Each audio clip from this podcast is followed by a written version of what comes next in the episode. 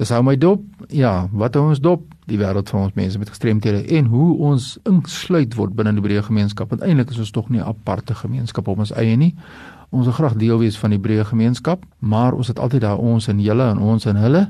Ons hou mekaar op afstand. Ons is onseker en baie keer dan projekteer ons ons onsekerheid op mekaar af want ons weet nie eintlik hoe om dit te hanteer nie en as ons net 'n bietjie inligting kry in 'n vorige program het, het ek 'n reeks programmetjies nou al gedoen wat ek gesels met Dr Emma McKinney en ons sê hoor hoe sê sy wat is haar lewe as 'n persoon met 'n gestremdheid as 'n opvoedkundige en wat ook 'n mamma is met 'n kind met 'n gestremdheid en wat is haar sienings oor die verantwoordelikheid neem vir hierdie saak. Dr McKinney, welcome. Thank you for having me. Eens moet iemand tot die punt kom en sê ek moet nou my verantwoordelikheid vat en ek moet nou aanvaar.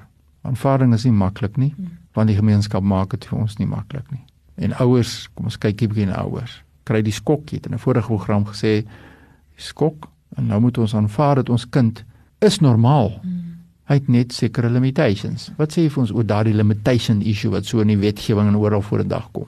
Yeah, and it's so tricky because also as as a mommy we often try to bubble wrap our children because we know the world out there is a, a really tough place and uh, they don't understand our children. And as you said they label them as oh they can't do this then negative. I mean you think about terminology the words we use deaf and dumb. Yeah. and oh yeah um the simple in all of those negative words no it's just a joke but it's not a joke and it's yeah. really it, it's personal. It, it, as a mommy and as a child.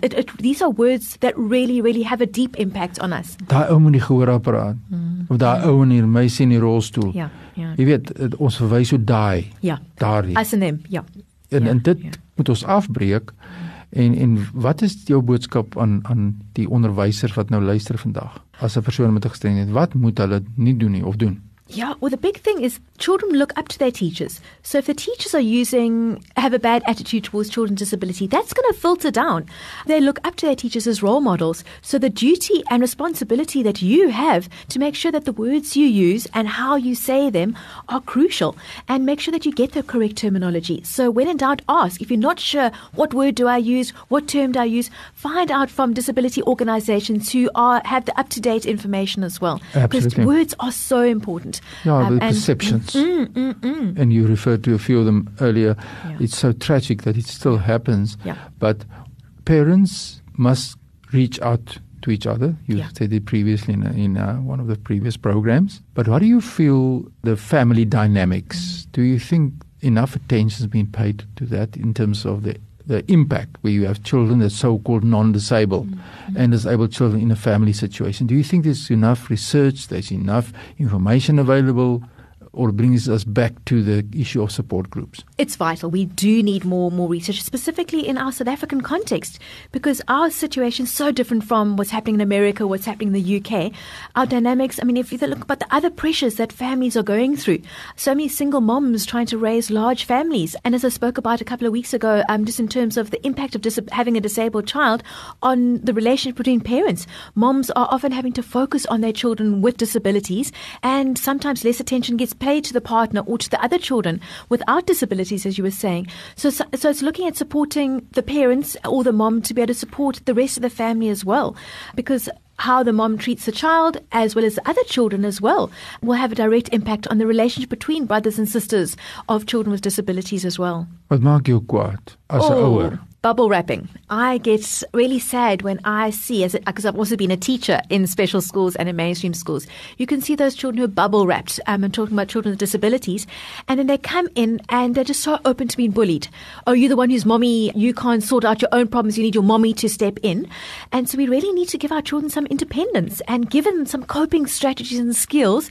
So at the home in a non-threatening environment, so that they actually know this is me this is my disability. I'm okay with my own disability because until the children are okay with that, when they come to school, they're going to get bullied and teased, and they need to give them the confidence to say, I'm okay with who I am. That deal with disclosure. Next program, we're going to finish our discussions and then we deal with disclosure. Yeah. Because that is the most important thing, actually, when and where to disclose. But to make sure that a child is well placed, mm. correct support in the school situation, the teachers are sensitized. Mm. The parents understand the limitations of their child. Yeah.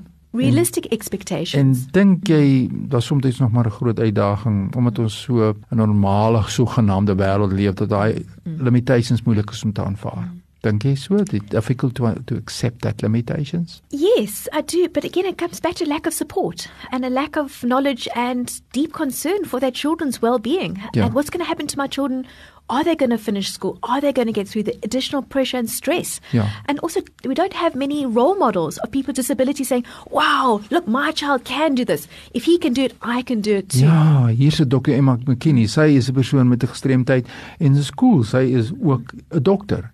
En sy het ook 'n rolmodel wat sy dan kan voor en ons sien nie altyd daai rolmodelle nie. Mm. So as jy van rolmodelle weet, moet jy ons 'n bietjie kan gesels soos wat dokter Emma nou Emma McKinney ook hier is.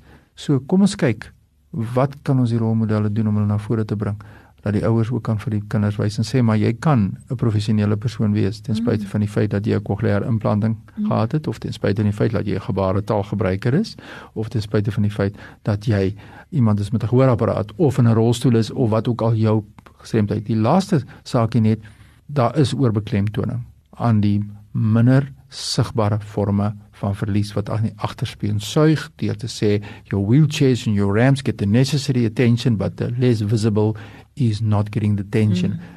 yes or no? Definitely not. It's all about accessible toilets ramps we sorted. Next week dan gesels ons verder oor hierdie uitdagings en hoe kan 'n mens dan die Engels te gebruik disclose. Jy net vir my jou kontak besonderhede deur Emma? Sure, my cell phone's 0833 479374 and email emma e m a disabilityincluded.co.za. Nou ja, nou ons gaan luister wat sê mamma, wat sê 'n persoon met 'n gestremdheid self. En ons gesels verder volgende week met Dr. Emma McKinney oor haar leefwêreld en haar siening as 'n opvoedkundige en hoe ons mekaar kan help en hoe ons vir u kan help as ouers van kinders met gestremthede. My e-pos is fani.dt@mweb.co.za. Ons gesels volgende week verder.